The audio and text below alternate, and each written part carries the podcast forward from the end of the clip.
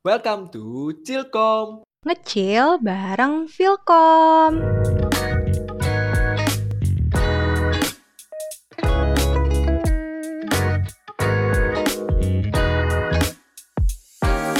Halo guys, balik lagi nih. Chilkom. Ngecil bareng Vilkom. Vilkom. Nah, kenalin dulu nih, aku Dena yang kali ini akan eh, menjadi host dari episode kali ini. Tapi sebelum mulai nih aku mau sombong-sombong dikit nih. Jadi tuh aku udah punya penghasilan sendiri, udah bisa beli laptop sendiri, HP sendiri gitu loh. Kayak keren banget ya sih? Di apaan sih sombong banget Den nggak usah pamer kali paling juga bohongan eh tapi aku juga mau ikutan kenalan nih aku Zia sebagai host dari podcast episode kali ini juga Ya, iya.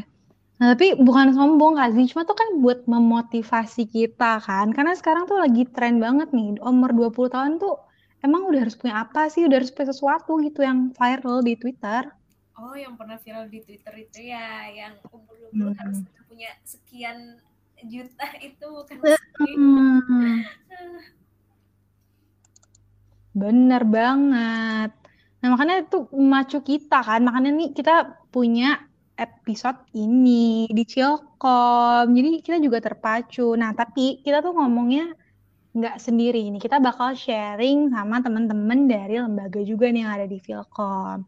Pertama ada Kak Ivan dari Lembaga Poros, ada Kak Hamas dari LKIMD, dan Kak Renata dari Karisma. Rame banget kan? Wih, ramai banget seru. Boleh nih dari kakak-kakak lembaga say hi dulu. Halo. Mana nih yang cowok-cowok? Halo Kak Renata, halo Mas Kalifan. Halo, halo. Gimana nih? Sehat-sehatnya nih semuanya nih lagi kayak gini, kuliah online. Puji Tuhan sehat sih. Alhamdulillah. Ini berarti eh, pada menuruti protokol semua nih apa emang mager keluar? Campuran. Mager keluar. Bagus, bagus. Is- Agak bagus sih, jadi campuran ada sisi positif kemalasan. Iya. Aduh. Nah, Ada nih? Mbak, ini, ini kakak semua nih umurnya 20 tahunan kan nih? Apa ada 30 nih? Apa masih di bawah umur? Kayak nggak sopan nanya umur, lebih. Den. Kalau aku sih 17 ya, Den. Eh, Ketahuan banget.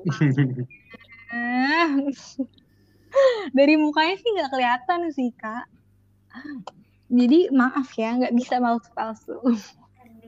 Udah, udah.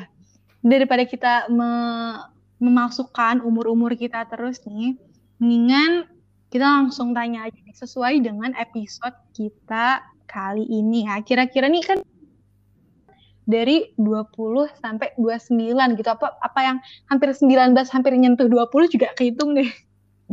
Kalau menurut eh Kazi dulu deh, itu tuh umur 20-an tuh udah harus punya apa sih Kazi? hmm, kalau 20-an ya, kalau aku pengennya di umur 20-an itu punya pasangan.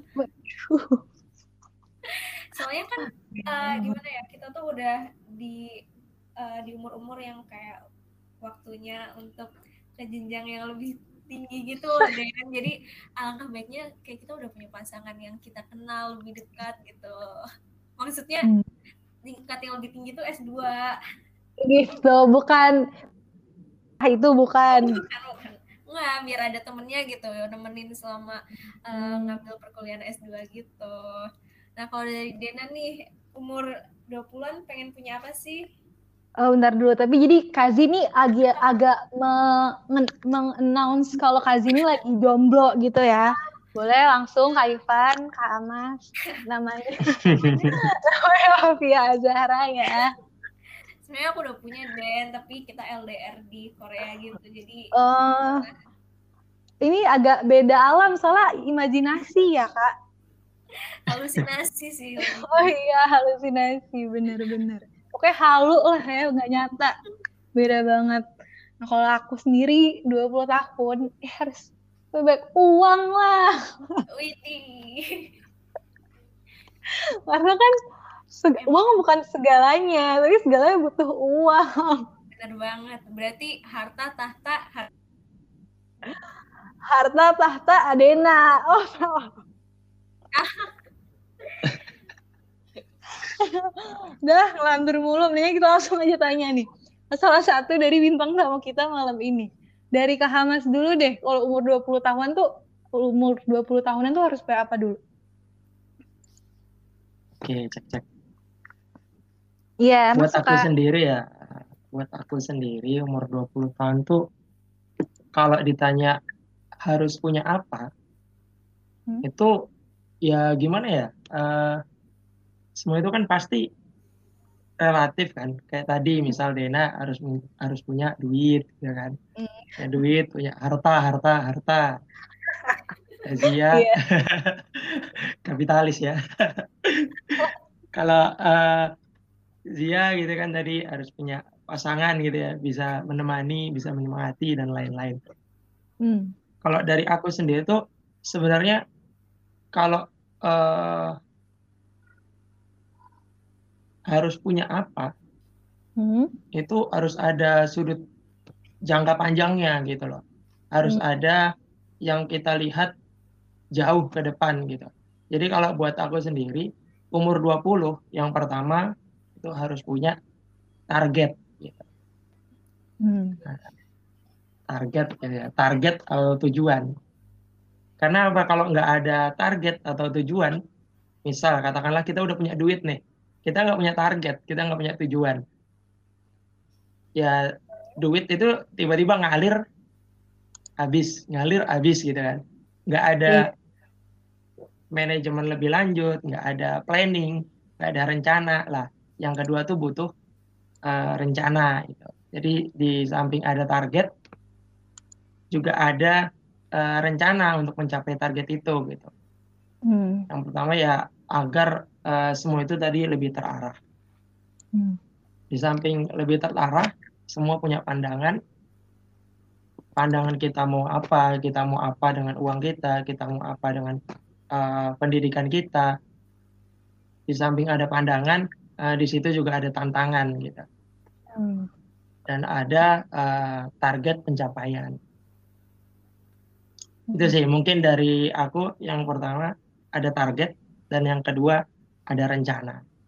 Oke, jadi kayak daripada kita nargetin doang terus nggak berbuat apa-apa kayak percuma juga. Apa juga tapi nggak jelas juga percuma ya kak. Nah, ya benar-benar. Soalnya kan eh, ada pernah dapat istilah nih. Aku pernah dapat istilah dalam bahasa Inggris ya. If you fail to plan, you planning to fail. Gitu. Jika Iya, kau eh, gagal dalam merencanakan sesuatu, maka kamu merencanakan kegagalan. gitu kan. Wih, keren banget sih. Ini kita baru awal aja kita udah disambut dengan sebuah kata-kata yang membuat kita melek. Iya, bijak banget ya kata-katanya Mas Hamas ini. Heeh, Bener-bener. Terus kita lanjut berarti. Kenapa nih? Kamu sih agak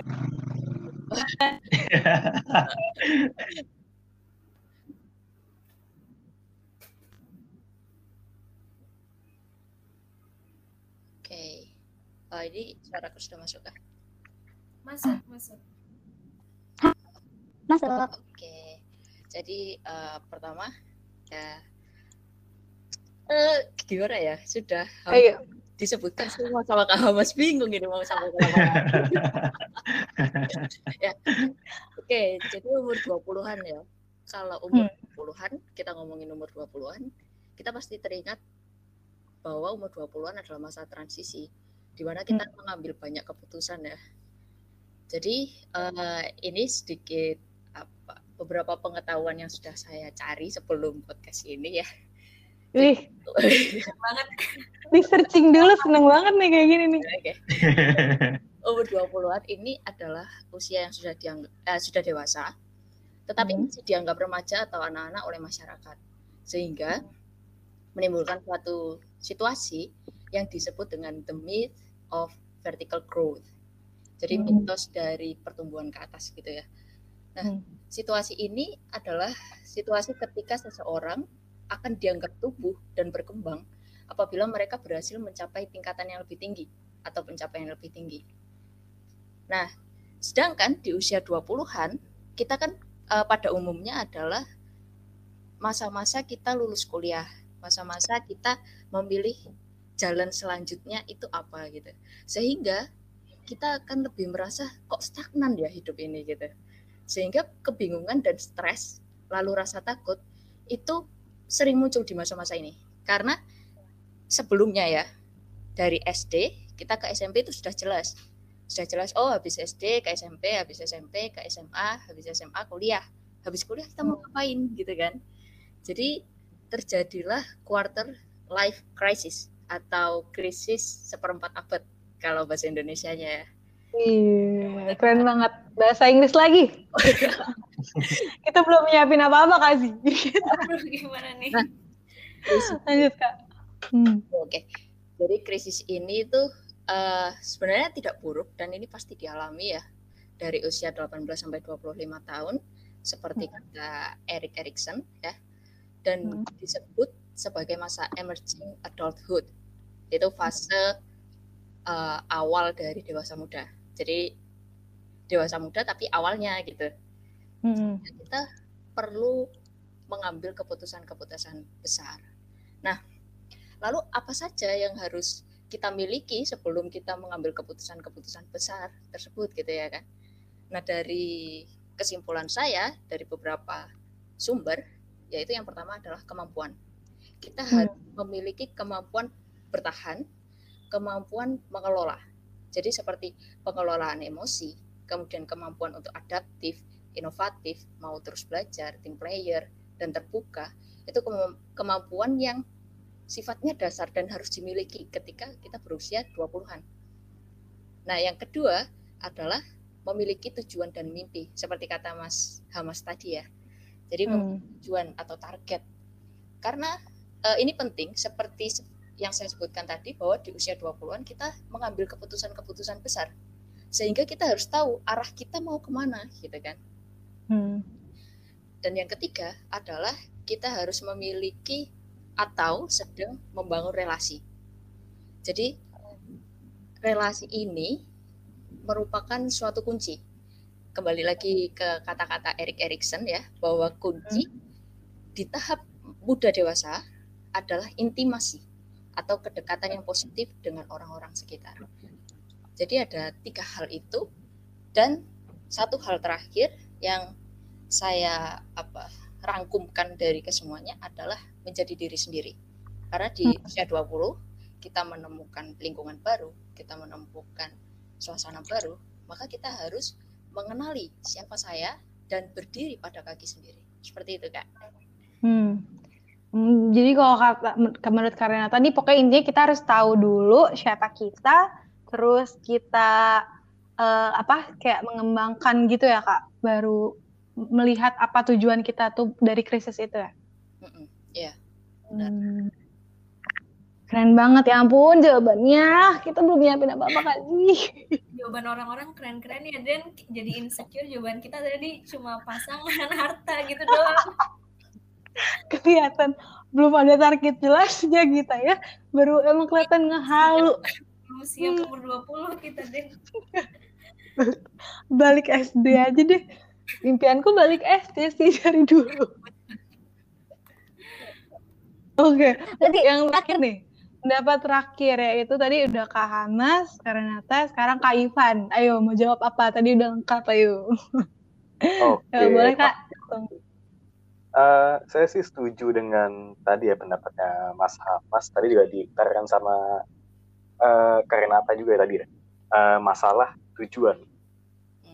Uh, menurut saya sih itu sih yang paling penting karena uh, mungkin tapi alasan saya sedikit uh, imaterial ya uh, jadi kita ini kan uh, tanpa kita sadari kita ini merupakan generasi paling kaya itu sepanjang sejarah nggak ada generasi yang sekaya kita generasi kita uh, tingkat kemiskinannya sudah sangat rendah gitu dibandingkan bahkan dibandingkan satu abad sebelumnya lah dibandingkan dua abad sebelumnya sudah sangat jauh gitu dari kita hidup berkecukupan di segala aspek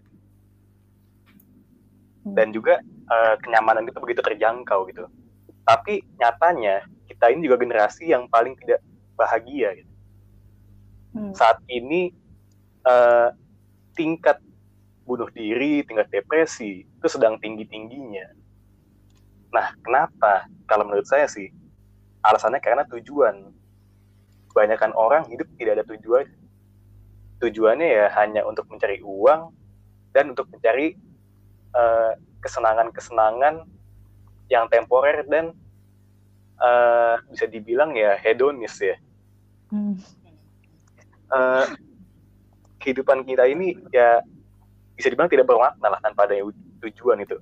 Uh, untuk mengutip Albert Camus, uh, yaitu katanya we must imagine Sisyphus happy. Nah ini uh, sedikit background mungkin ya. Jadi ya Sisyphus ini uh, dia ini ya dihukum lah oleh dewa-dewa Yunani dulu uh, hukuman yang begitu absurdis bisa dibilang ya. Jadi dia disuruh uh, menggelindingkan bola batu besar gitu ke atas bukit dan ketika sudah sampai di atas sudah mau sampai bola itu jatuh lagi gitu selalu seperti itu. Uh, hmm. Jadi ya ini uh, merupakan analogi ya bagi Albert Camus ini analogi terhadap kehidupan modern ini kita bahwa ya kita kerja itu uh, nyari uang dan tapi tidak ada apa ya tidak ada maknanya gitu nyari uang nggak ada effortnya futile bisa bilang ya gitu sih. Uh, nah maka itulah uh, kita sampai pada pertanyaan apa saja sih yang kita perlukan untuk mencari tujuan itu dalam hidup? Hmm. nah kalau menurut saya sih pertama yang paling penting ya yaitu kesadaran sosial.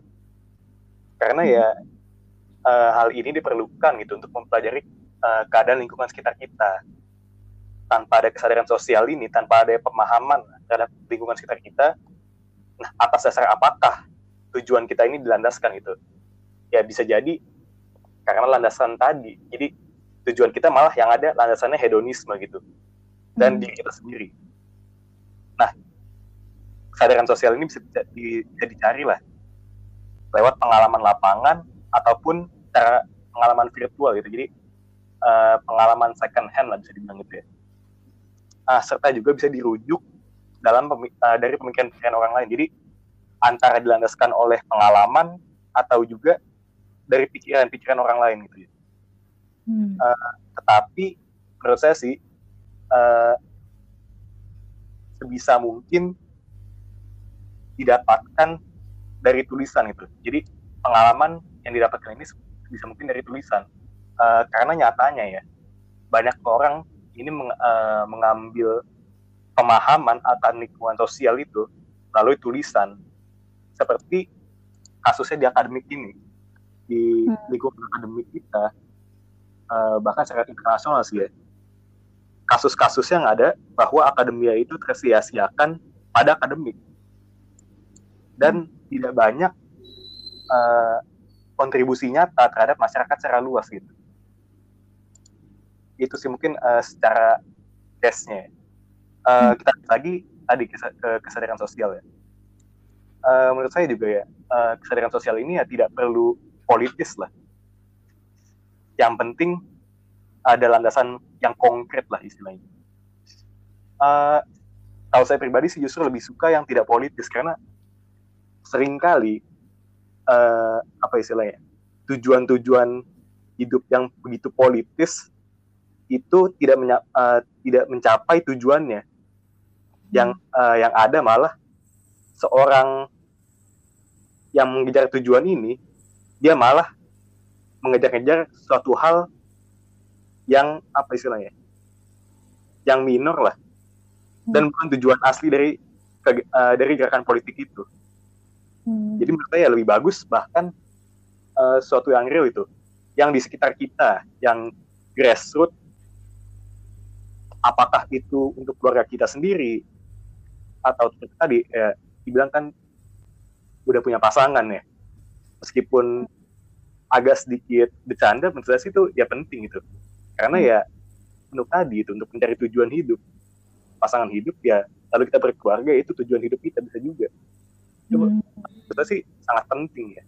Karena tanpa ada keluarga atau bahkan dengan kita mengalienasi keluarga kita sendiri gitu dengan kita eh, menjadi out of touch dengan keluarga kita sendiri ya itulah kita telah menghapuskan tujuan hidup yang cukup penting itu bagi kehidupan eh, dari kehidupan kita gitu sih Jadi malah ternyata yang kita pikir kayak kecil atau ngehalu itu ternyata bisa jadi suatu target besar gitu ya kak dalam hidup. iya tapi kalau yang halu Kalau itu bukan aku sih. Aku Nyindir banget ya. Aku nggak nyebut nama sih kak. Hmm, gitu. aduh jangan disebut sih ada orangnya Wah, iya. Bukan kayak eh, sesimpel kayak kita mau punya pacar atau punya eh, pasangan hidup. Ternyata tuh walaupun kayak walaupun kita di mikirnya ada yang itu eh, cuma jangka pendek, tapi ternyata walaupun itu setelah ditelaah bisa jadi sesuatu yang yang besar gitu ternyata. betul ya kehidupan kita itu ya nilainya sebanyak tujuan kita Hmm.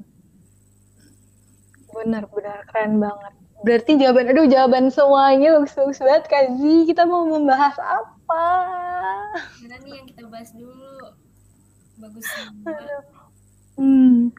Nah, kalau dari yang tadi nih, tadi kan tujuan, tadi ada misalkan jati diri kita dulu, ataupun pokoknya ada target lah gitu. Tapi kalau menurut kakak-kakak nih, semuanya, yang paling pertama banget kayak, pokoknya harus dicapai dulu, ini biar semuanya jelas kayak kuy. Itu yang mana? Hmm, tadi kita sudah mulai dengan Hamas ya, Kak Renata, Kak Ivan sekarang Kak Renata duluan deh. Boleh. Yang kayak yang pertama banget apa ya? Untuk me- apa ya? Kayak merupakan eh, langkah pertama untuk mencapai semua target yang tadi udah dijelaskan. Oke. Untuk mencapai semuanya itu yang pertama adalah ke ke diri sendiri dulu. Jadi baik dari segi kita mengenal diri kita dan juga kita mengembangkan diri kita. Kemampuan kita. Sehingga kalau kita punya kemampuan, kita pasti tahu mau ke mana kita, lalu kita eh, mau jadi apa dan kita inginnya eh, maksud saya jalan seperti apa yang kita ingin lalui itu jawabannya ada di diri kita sendiri. Jadi kita harus mengenal diri kita, mengenal kemampuan kita. Itu sih kak. Hmm, bagus banget. Jadi pokoknya harus dari kita sendirinya dulu ya sebelum memulai yang lain. Bener banget kak. Keren banget. Emang jawaban semuanya keren. Kecuali kita berdua ya Kak. Lanjut ke jawaban selanjutnya mungkin deh. Jangan dong, Kazi nyontek nanti. Kazi dulu deh, apa dulu deh. Ah, aku belum tahu jawabanku Den. Nyontek dari kakak-kakak yang lain dulu nih. BTW Kak Hamas ini ya keluar ya? Ke loket lagi. Eh ya berhubung ini home, jadi kita lanjutkan saja sambil menunggu Kak Hamas. Berarti Kak Ivan dulu deh. Menurut Kak Ivan, eh, apa yang harus pertama banget nih? Kalau tadi kan Kak dari diri kita sendiri dulu. Kalau Kak Ivan? Oke, eh, tadi sih mungkin tadi udah saya sampaikan ya masalah kesadaran sosial itu ya, itu ya penting itu untuk dicapai. Tapi ya benar juga sih tadi eh, kata Karenata ya masalah eh, memahami diri kita sendiri itu masalah itu sih penting ya. Jadi kita harus tahu apa sih eh, diri kita ini dan tempat kita di dunia ini untuk apa gitu. Karena tadi untuk mencari tujuan tadi kan kalau eh, dari yang saya sampaikan itu. Jadi itu sih boleh juga itu penting ya. Jadi mencari diri kita apa tuju, eh, tempat kita di dunia ini, apa yang harus kita lakukan, dan juga ya pasti untuk mengaktualisasi diri kita sendiri gitu. Jadi kita eh, menjadikan karakter diri kita sendiri gitu. Kita membangun lah, membangun karakter kita sendiri itu sih menurut saya penting juga ya. Di samping tadi kesadaran sosial yang telah tadi saya sampaikan. Gitu. Oke, berarti be- eh, Kak Ivan setuju juga nih ya sama Kak Renata ya. Setuju dong. Wah, keren banget berarti Kak Renata hasil searchingnya mantep banget nih. oke banget Kak Renata. Oke. Oh, kalau untuk Kak Hamas, udah masuk kah suaranya? Tadi katanya masih di dalam ya, tapi eh, namanya nggak ada. Oke, berarti kita lanjut dulu nih. Mm-mm, sambil nungguin Kak Hamas mungkin ya. Lanjut tuh, tadi kayak Kazi kayak udah nyiapin pertanyaan yang bikin kepo banget tuh. Apa tuh Kak? Oke, nah ngomong-ngomong tentang target nih, tadi kan udah eh, bilang kalau misalkan kita punya harus punya rencana, target gitu-gitu. Nah dari kakak-kakak sendiri kayak contoh target yang pengen dicapai apa sih? Mungkin bisa lebih spesifik itu ya jawabannya. Misalkan uh, kayak udah punya pekerjaan atau punya tabungan atau penghasilan bisnis atau apa gitu mungkin uh, bisa dikasih contoh nih target dari masing-masing kakak-kakak nih Hmm. Hmm. Dari Kak Ivan deh. Oke, nah, kalau menurut saya sih ya tadi ya. Jadi Hmm. eh, secara umum dulu mungkin apa saja hal-hal yang bisa digunakan untuk mencapai tujuan tersebut tadi gitu. Hmm. Eh, tapi mungkin ya secara spesifiknya ya mungkin pekerjaan ya karena ya pekerjaan itu bisa jadi apa istilahnya bisa jadi tujuan hidup kita gitu meskipun begitu futile tapi jika misalnya kita menekuninya gitu nah itu kan bisa Hmm. jadi suatu hal yang bermakna gitu bagi hidup kita ya mungkin Hmm. itu sih pertama ya dan juga mungkin uh, tadi uh, pasangan hidup untuk kita berkeluarga gitu karena tadi Hmm. juga uh, penting sih menurut saya untuk Hmm. membangun keluarga baik itu untuk diri kita sendiri ataupun untuk uh, lingkungan sekitar kita Oke. Jadi Itu sih Kak Ivan jomblo juga nih? Eh, sulit lah comment aja kak no comment iya no comment no comment Ya, siapa tahu habis ini. banget mentang-mentang gak jomblo kenapa sih Den ya lagian biasa pasangan kan aku kan ya ingin membantu lah kasih sedikit-sedikit. Aduh. Oke, boleh nih. Berarti Kak Hama sudah masuk nih. Halo Kak, jelas? Halo, halo. Iya, jelas. Oke. Berarti kita belum Indihome suara ya. Kak Hamas. Aduh, jangan sebut brand dong Kak. Aku juga mengeluh. kita tiba-tiba podcast kita di take down. mungkin disensor ya bagian itu ya Disensor. Oke, nanti di beat gitu ya. Oh iya, iya. Oke Iya. deh. Berarti ya udah kalau menurut yang spesifik banget yang tadi kayak Kazi apa Kazi? Yang Target harus ya. punya hmm, target. target yang ingin dicapai dari Hama sendiri nih apa tuh Hmm. Target yang ingin dicapai ya. Hmm. iya target, Target yang pribadi aja ingin sih dicapai. Oh, pribadi. iya Hmm. kayak punya Kalau dari pribadi, eh, kalau untuk target ini kan, eh, ya target ini kan juga dibagi jadi dua ya. Kalau yang Hmm. kita tahu ada target jangka pendek, ada target jangka panjang gitu. Nah, Hmm. kalau untuk target jangka pendek itu Hmm. ya kita pasti sama ya. Kita sebagai mahasiswa target jangka pendek kita ya Hmm. lulus gitu, lulus dengan gelar sarjana. Lah, eh, untuk mencapai itu gitu kan. Lah itu eh, kembali lagi seperti yang gue sebutin tadi perlu adanya rencana gitu. Nah sebelum Hmm. membuat rencana itu aku setuju banget nih sama kata-katanya Kak Renata itu tadi ya. Kata-katanya harus mengenali diri, harus mengenali dulu diri sendiri dan potensi diri sendiri. Gitu. Hmm. Nah, dari situ kalau dari aku pribadi eh, ya harus eh, harus fair gitu ya. Kita itu harus menerima diri ini itu punya kelemahan apa gitu. Punya Hmm. kelemahan apa dan punya sekiranya potensi apa. Dan kalau kita Hmm. udah tahu, kita udah kenal, bukan hanya sekedar kenal, tapi eh, kita berusaha ya kita maksimalkan potensi apa yang eh, kita punya dan kita minimalkan kelemahan yang kita punya. Contoh, kalau misal dari aku sendiri ya, aku sendiri tuh pernah nyoba tes kepribadian dan segala macam. Uh, kalau misalnya teman-teman tahu ada yang namanya Steven. Ya, Apa ini Pak? sebut merek nggak apa-apa ya. Ya udah. Ada yang namanya tes Steven gitu. Hmm. Tes Steven itu tes uh, kepribadian berdasarkan cara kerja otak. Gitu. Nah di situ ada lima tipe nih. Hmm. Jadi promosi ini ya. Nggak ini dikit aja. Oke oke. insight dikit ada lima tipe gitu lima tipe manusia dan dan di dan eh, apa namanya dan ternyata hasilku itu adalah feeling Hmm. jadi ada thinking ada feeling ada sensing ada in- nah hasilnya feeling gitu.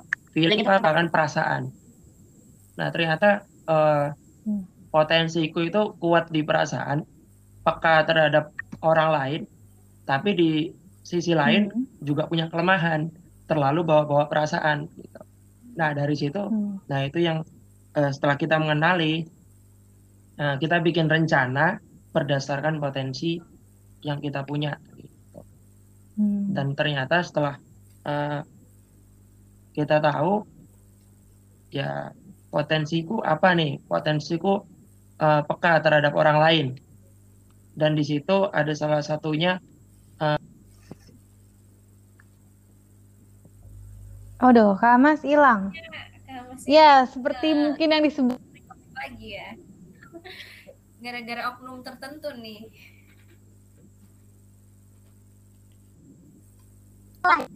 Dena juga ikut-ikut nih. Kalau didengar-dengar mulai agak putus-putus. Oke. Ya, tidak bersahabat. Oke, sekarang sudah kembali. ini kayak pendengarnya habis ini ikut emosi juga nih sama yang disebutin tadi. Sama eh, sama Indigo ya. Ya, Oke deh. Berarti kita masih menunggu jawaban Kak Hamas tadi ya. Berarti kita pindah dulu nih ke Kak Renata nih. Belum nih.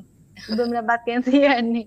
Menunggu. Kalau menurut Kak Renata tuh apa nih? Yang harus dicapai banget nih. Yang spesifiknya kayak harus ini gitu. Kayak udah ngeset garis bold gitu. Oke oke. Jadi eh, ini saya lihat dari umumnya dulu ya. Karena Hmm. ya mungkin karena umur saya belum 20 jadi saya cari-cari ke mana-mana apa saja yang harus Belum ya. di- ah, dipenuhi gitu. Nah, Hmm. Hmm. menurut salah satu psikologis terkenal Robert C. Hurst dari penelitian Hmm. tahun 1984 ya itu dibagi menjadi delapan tujuan hidup atau sesuatu yang harus diselesaikan ketika di usia 20 atau ketika dewasa muda ya. Jadi Hmm. dari delapan ini dibagi lagi menjadi tiga. Yang pertama adalah keluarga, kedua pekerjaan, dan ketiga adalah sosial. Hmm. Nah, yang keluarga ini seperti tadi kata kakak-kakak itu eh, memilih pasangan hidup. Nah, Hmm. setelah pasangan hidup, hidup bersama pasangan tentunya, terus membentuk Betul. keluarga, membesarkan anak dan mengelola atau mempertahankan rumah tangga. Jelas kalau itu ya.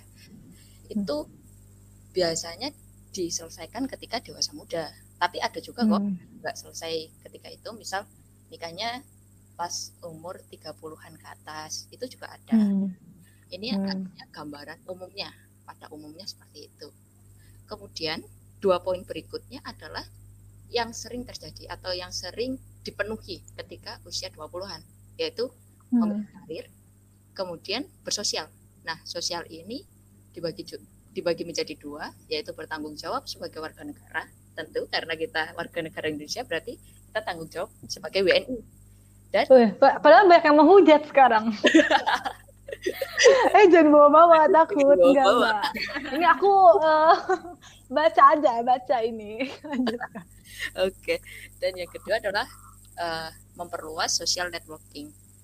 Nah, dari delapan hal tersebut, tentunya saya juga memiliki tujuan. Kalau nanti saya umur 20-an ya, Hmm. tentunya saya akan memilih karir yang sesuai dengan prodi saya. Ini adalah rencana Hmm. saya ya. Dan eh, Hmm. dari sisi sosial, saya ingin lebih dekat lagi dengan lingkungan di mana saya tinggal. Jadi baik Hmm. masyarakatnya dan juga membangun masyarakat tersebut Hmm. bagian dari masyarakat gitu. Hmm. Keren banget. Berarti uh, dari karena tadi pokoknya tadi mau yang sesuai passion gitu ya kak. Hmm, hmm, hmm, kurang lebih begitu. Hmm. Bagus bagus. Mengikuti apa yang dimaui oleh hati. Biar tadi ada tujuannya juga kan Kazi. Cuma kita nyari apa-apa tapi nggak berarti. Iya. Benar-benar. Nih kita uh, sudah kembali lagi kah dan Kak Mas? Iya, halo halo. Halo, boleh tuh Kak dilanjutkan. Tadi baru setengah tuh. Tadi baru uh, sampai mana? Ayo sampai mana? Ayo, tadi aku inget loh. Tadi aku inget beneran. Terus hilang. Ya. Coba sampai dari uh, kalau ya kalau nggak salah ingat tadi ya sampai di uh, setelah kita tahu gitu kan diri kita. Hmm, hmm, hmm. Uh, contohnya aku gitu kan tadi tahu kalau aku itu tipe feeling, tipe perasa dan di situ Hmm. ternyata setelah dipelajari ternyata ada potensi cocok untuk menjadi pemimpin seperti itu ya. Hmm.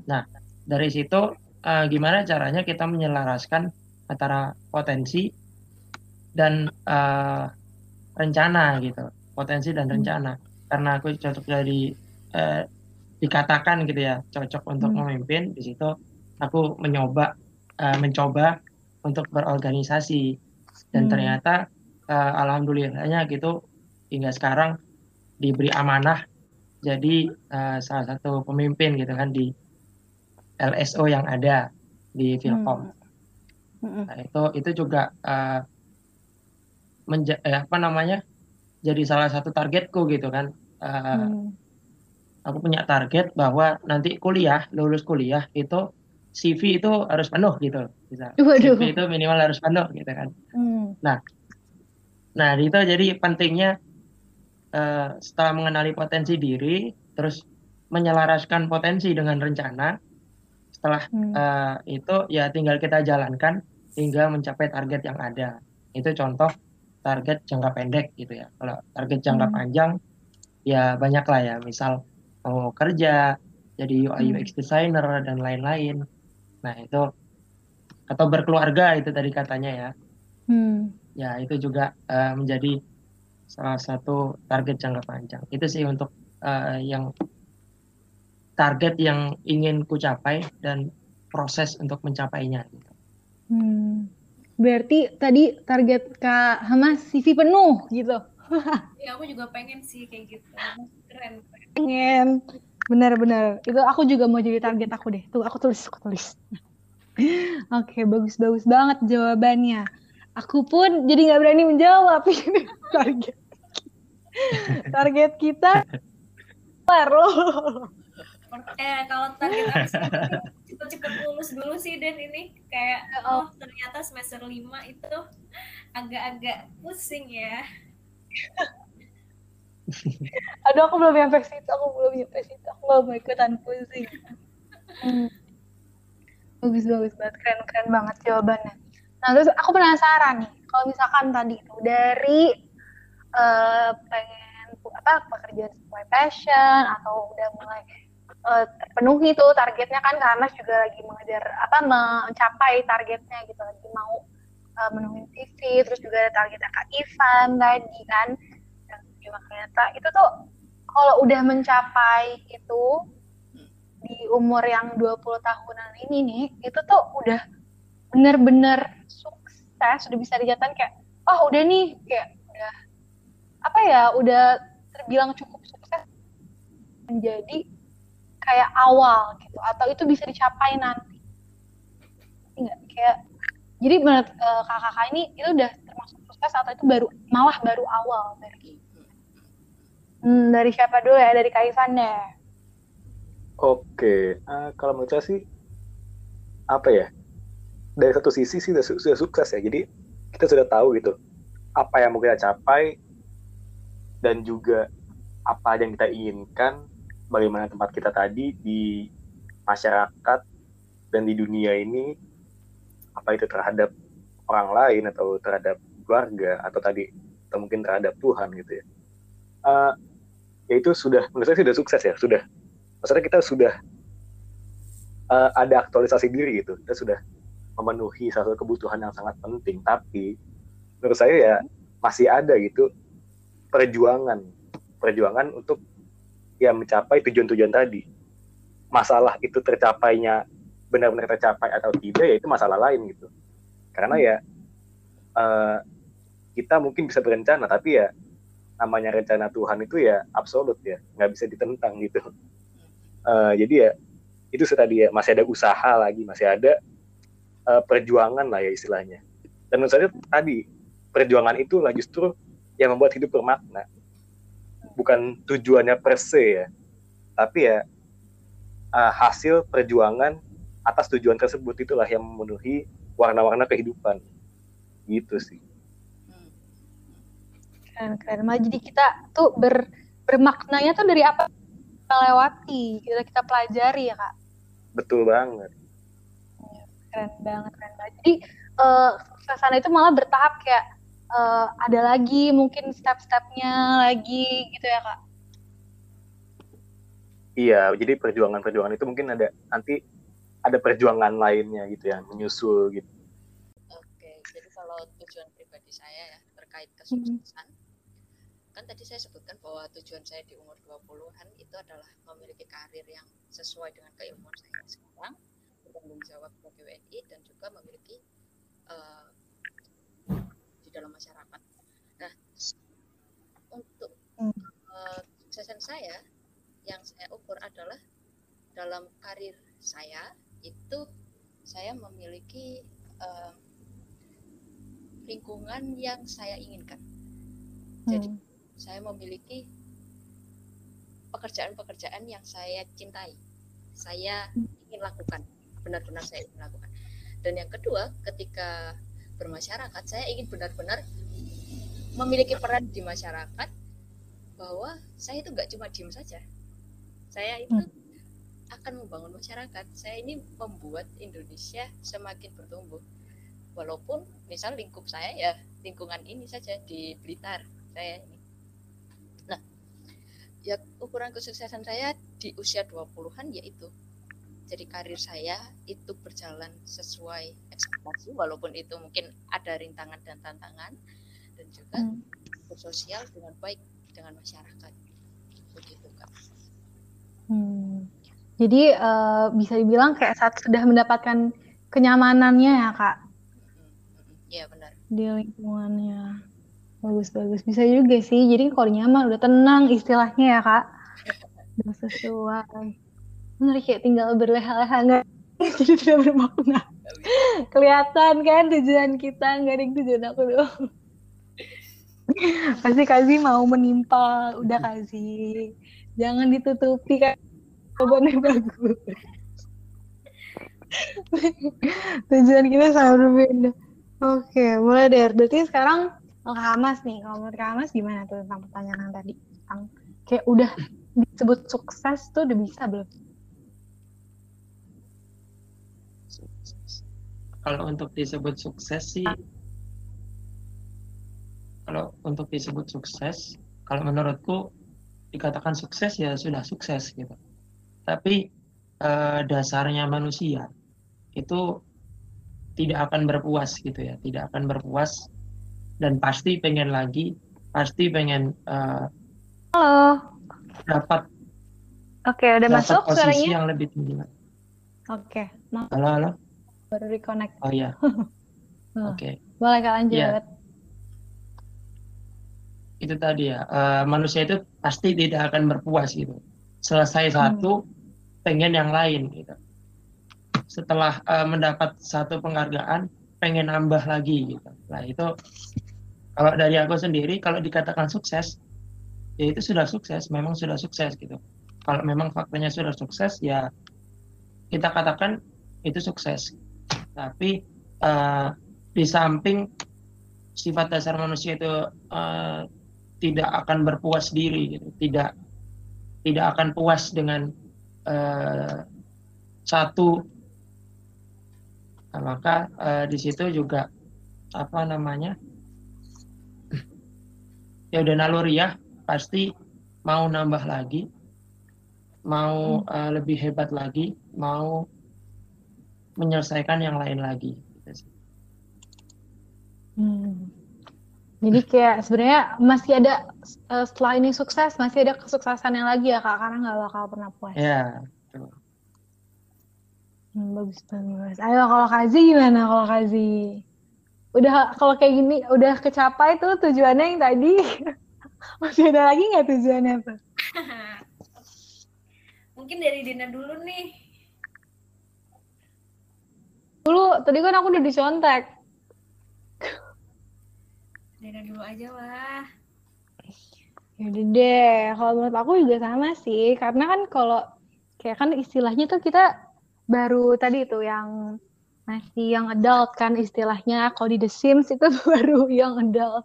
Jadi akan apa ya, ada tujuan yang kita inginkan lagi setelah kita udah mencapai umurnya gitu kan misalkan.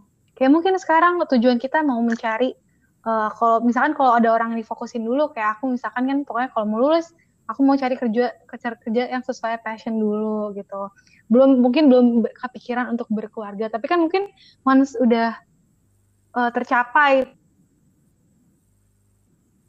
Gitu kan. Mungkin ya tujuan aku akan next lagi akan bertambah lagi. Jadi itu belum mencapai kesuksesan. Ih keren banget jawabannya. Aku nggak kalah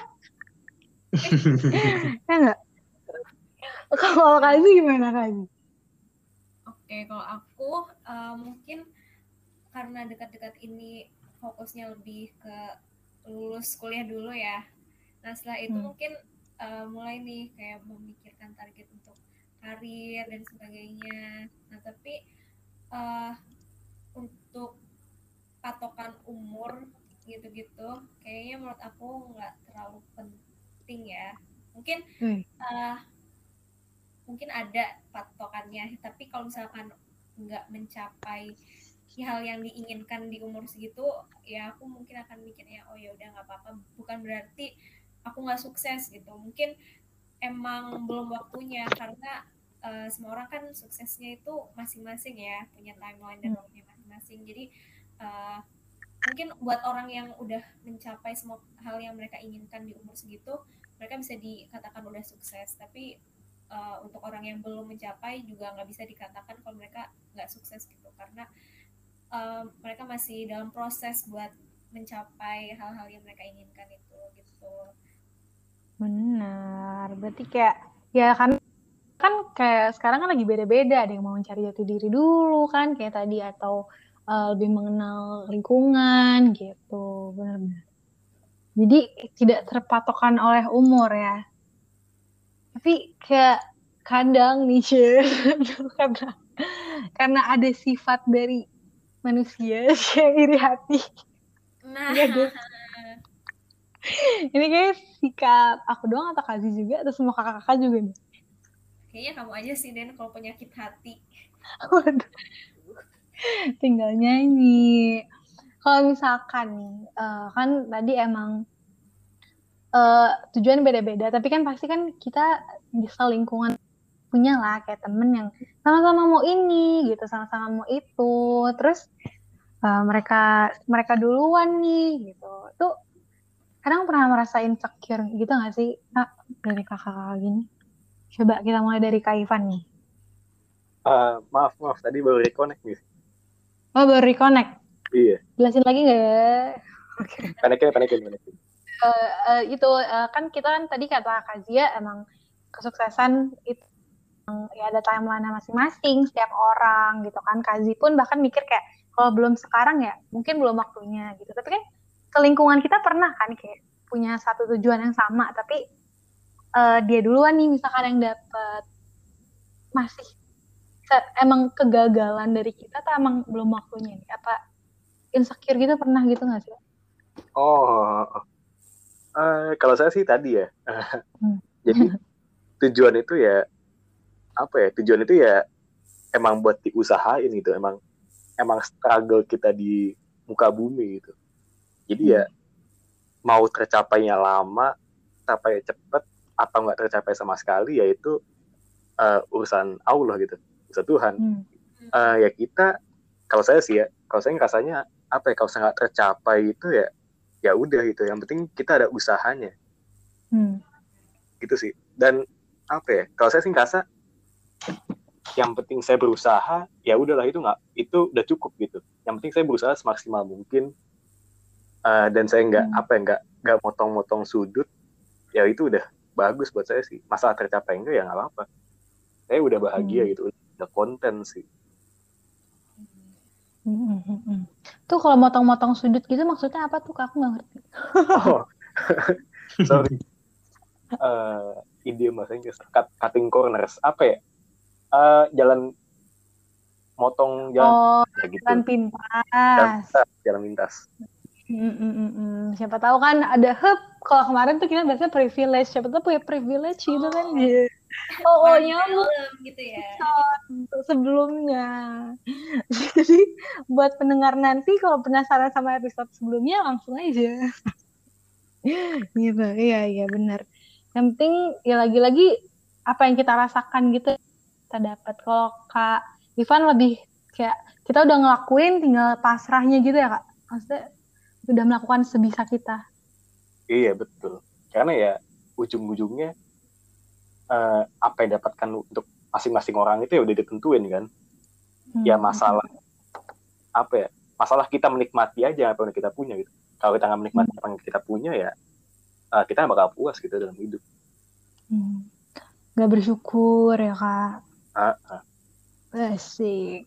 Nyambung banget nih. Kalau- tadi udah siapa aja sih? Aku lupa nih Kazi. baru Kak Ivan ya Oh, baru Kak Ivan ya? Iya. Oke, berarti sekarang Kak Hamas. Oke. Oke. Eh, kalau menurutku ya bener banget nih kata kata Mas Ivan ya, bener banget. Yang penting eh, kita udah usaha gitu. Yang dilihat itu usahanya, seberapa besar kita mengerjakan sesuatu, seberapa besar usaha kita menyelesaikan target-target yang ingin kita capai. Tapi ada satu sisi yang lain nih, yang jadi penekanan dariku untuk tambahan dari kata-kata yang disampaikan Mas Ivan. Hmm. Apa itu? Nah, kalau menurutku Hmm.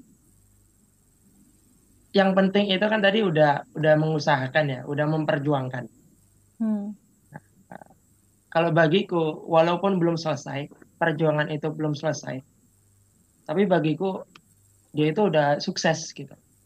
Hmm. Udah sukses apa? Sukses melawan eh, mungkin stigma-stigma dari orang, misal dicemooh karena belum selesai, terus sukses eh, melawan kemalasan dari diri sendiri, Hmm. atau eh, sukses dari eh, menghindari kata menyerah. Hmm. atau sukses dari eh, takut untuk mencoba karena bagiku gagal itu eh, bukan hasil akhir tapi gagal itu untuk orang yang tidak pernah mencoba Hmm. itu mungkin Oh iya. dari aku. Jadi selama kita mau mencoba itu pasti kita akan men- bisa bisa tuh punya eh, kesempatan untuk sukses ya kak.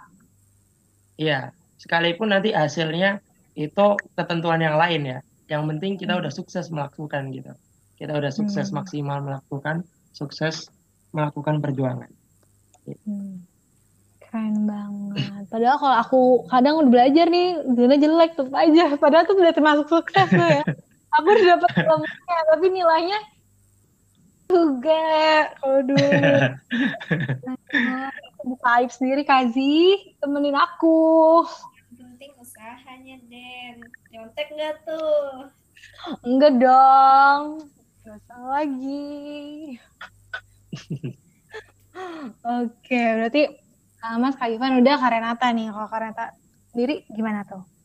Oke, jadi kembali lagi ke per- pernyataan saya sebelumnya bahwa Hmm. tujuan merupakan sebuah proses ya. Hmm. Apakah jika tujuan itu tak tercapai, lalu itu merupakan kegagalan? Nah, kalau misal definisi tujuan saja proses, berarti Hmm. kalau kita tidak mencapai proses, artinya tidak melakukan apa-apa, yaitu sebuah kegagalan. Sesuai yang dikatakan Mas Hamas tadi, bahwa kegagalan Hmm. ketika kita tidak mencoba apa pun. Nah, Hmm. Jika kita memandang kesuksesan sebagai suatu poin yang kita harus tuju gitu. Nah, hmm. saya rasa ketika kita menjalani proses itu kadang kita menemukan poin yang lain. Jadi saya teringat dengan hmm. kata-kata Soekarno kalau nggak salah. Jadi bermimpilah setinggi bintang di langit. Setidaknya ketika kita jatuh itu kita berada di awan-awan kalau nggak salah atau masih di langit lah intinya. Nah hmm. itu berarti menunjukkan ketika kita menjalani suatu proses menuju suatu tujuan, mungkin memang kita tidak mencapai tujuan tersebut, tetapi kita menemukan tujuan yang lebih baik untuk kita, untuk posisi kita. Jadi ya semuanya itu diukur dari proses. Hmm. Begitu kan. Hmm, benar. Pokoknya intinya uh, itu tuh kegagalan tuh kalau kita malah nggak mau ngapa-ngapain, ini gitu. Kalau kita males, rebahan aja. Aduh, tapi kayaknya itu aku deh kalau oh. Asik, aku membuka aib Kak Z. Tidak aku aja, berarti keren-keren banget jawabannya isi. Aku pikir tuh kayak kalau misalkan dia belum mencapai apa yang kita mau gitu kayak udah berarti yang gagal aja.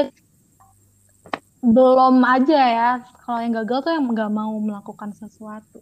Aku baru mendapatkan insight ini loh, keren banget. Wow. Enggak sih, keren, keren banget sih tamu kita hari ini kayak berwawasan banget. Uh, uh, malah kitanya jadi bingung. Aduh. Harus belajar lagi ya, Den. Harus dong. Abis ini ya kalau mau podcast udah harus searching sih. Kelihatan banget ini kita bingungnya. Nah, nih. Kita udah mendapatkan super banyak super apa ya manfaat hari ini udah keren banget kalau Kazi apa nih bisa kasih tangkep. Halo Den. Halo. Oke, kalau yang aku tangkep dari percakapan kita malam ini uh, lumayan banyak ya kayak hmm. untuk di umur uh, segini tuh kita tuh udah punya banyak target-target masing-masing yang pengen dicapai gitu. Nah tapi uh, dari target tersebut itu tetap harus ada proses dan usaha yang dilakukan buat mencapai semua itu jadi uh, kesuksesan kita tuh nggak cuma diukur dari hasilnya aja tapi juga dari usaha kita dari proses kita hmm. nah mungkin kalau dari hmm. Kalau aku yang tadi sih yang super ya super sekali jawabannya. Habis ini jadi podcast Golden Ways. Kalau menurut aku itu tadi kayak yang aku pikir tuh ya kalau kita belum mencapai yang kita benar-benar bold gitu tuh ya udah gagal gitu kan padahal ternyata enggak kita masih dapetin manfaatnya dan mungkin kita suksesnya malah selanjutnya gitu kan emang ya pelan-pelan gitu ada tahapnya jadi kita tetap dapat sukses tuh dalam bentuk lain kayak misalkan ilmunya atau pengalamannya itu tuh bener juga sih kalau dipikir-pikir. Kalau dulu tuh aku mikir kayak ah gagal ya udah gitu. Ya udah nangis. Ya Dita ini uh, gampang menyerah ya. Gampang menyerah aku emang tuh kan curhat. Nggak apa-apa kita sharing.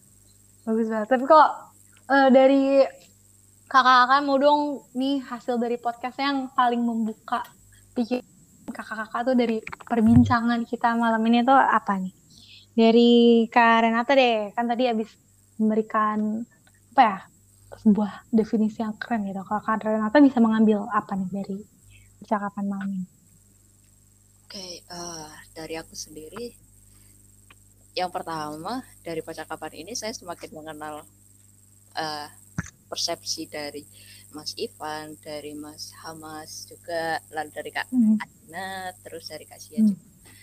Nah, tapi dari kesimpulan besarnya bahwa kita itu hmm uh, di usia segini kita memiliki tujuan-tujuan sendiri dan kita memiliki caranya sendiri, prosesnya sendiri hmm. seperti apa.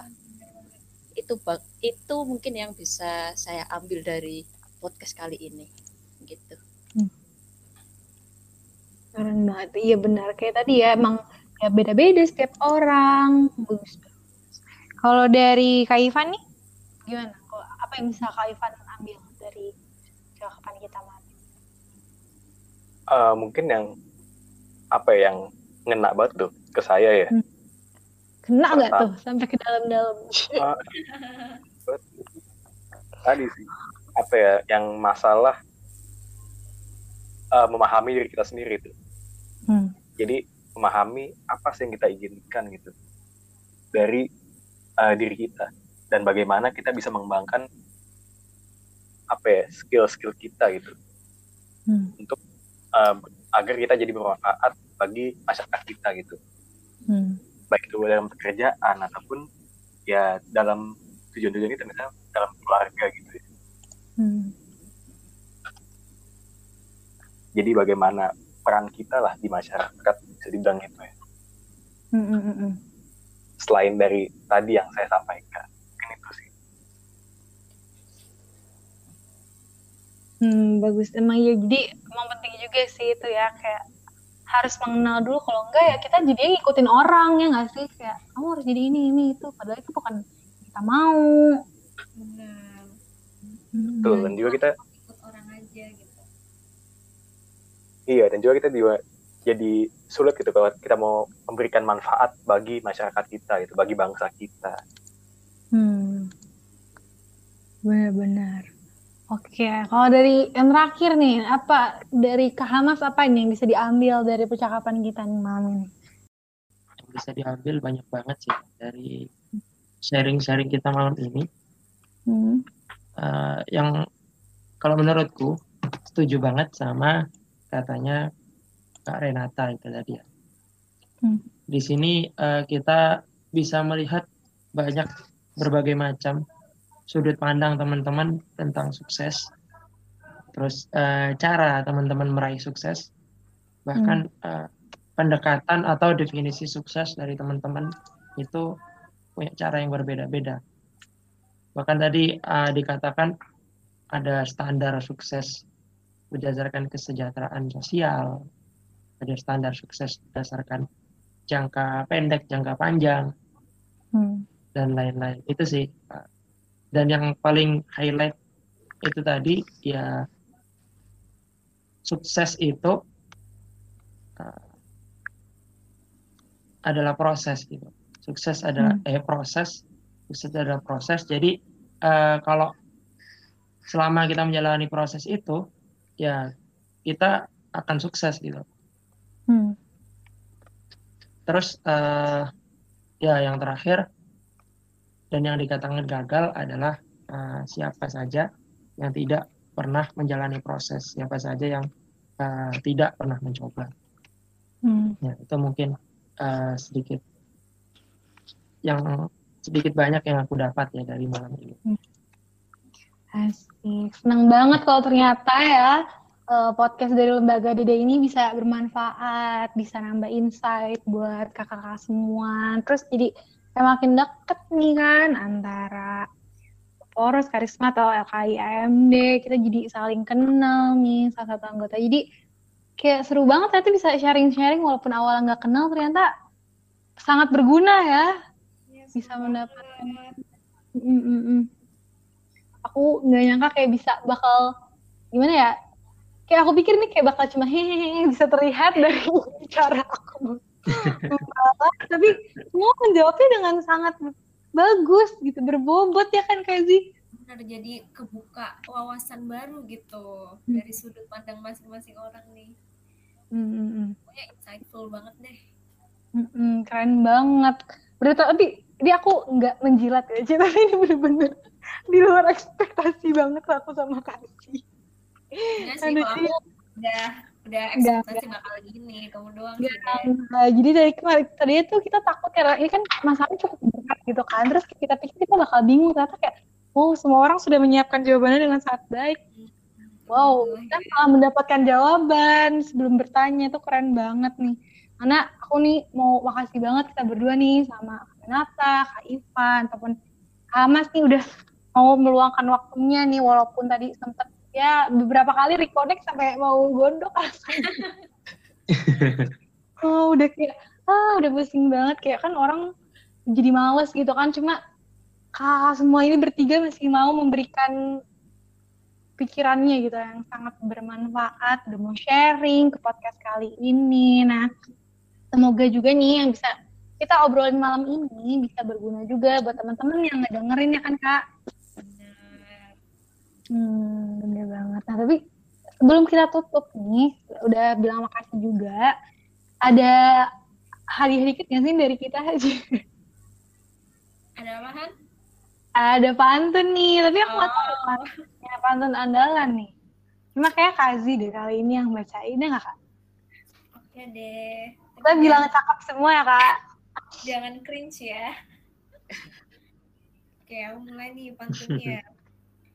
Minta uang sambil berdiri. Cakep. Cakep, Minta uangnya sama mama. cakep. Kami sebagai host undur diri. Sampai jumpa di episode Cilkom selanjutnya. Yeay. Yeay. aku kayaknya ya pokoknya itulah tapi benar aku mau ngucapin makasih banget jawabannya keren-keren banget jujur aku beneran kaget loh aku speechless gak sih dari tadi cuma bisa ketawa doang Iya. Bahkan kayak wow Kak Renata juga yang bahkan belum umur 20 aja ternyata udah mikir sejauh itu gitu buat ke depannya. Keren banget sih, keren. Eh, dan mau searching juga ju- kayak jujur aku sangatlah senang loh kak walaupun itu kayak belum mengalami tapi masih mau mencari keren-keren banget aku eh, super happy dengan segala keniatan kakak semua malam ini Kan karisma ya kak ya? Enggak. Berani bicara. Nggak ada katanya. tapi keren banget aku mau ngucapin makasih banget ya kak ini kita udah sejam lebih gak sih ngomong ya ampun Itu kayak udah sampai sejam wow, wow banget sih. Makasih banget loh buat kakak-kakak semua ini. Terima kasih banyak kak. Waktunya. Ah, ya Dan ampun maaf juga ya kalau ada kendala tadi. Ya banyak kendalanya ya. Bukan beberapa doang tadi sempet itu tapi eh pokoknya aku bilang mau kasih lagi makasih makasih yang banyak karena keren banget malam ini. Nanti tunggu podcastnya di Spotify dan Telkom UB ya kak. Nanti aku update lagi dan tapi jangan kesel-kesel dengar suara sendiri ya kadang suka kesel. sih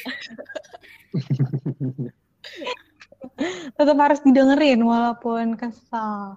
Nah, kalau gitu podcast aku tutup. Boleh kakak-kakak eh, kalau misalkan ada kegiatan lagi nih boleh langsung eh, live dari Anchor. Tapi aku mau ngucapin makasih banyak ya Kazi juga. Terima kasih banyak ya kak. Dan maaf juga kalau misalkan dari kita ada salah kata nih. Mm, misalkan mau eh, bawa eh, cair jadi malah kurang sopan, aku minta maaf. Tapi semoga aja eh, tidak banyak mau. Oke. Terima kasih juga Kak Dena, Kak Sia atas kesempatannya. Mm-mm, sama-sama. Iya. Oke, makasih juga ya. Iya, sama-sama Iya. Kak. Aku juga pokoknya aku lebih makasih lagi.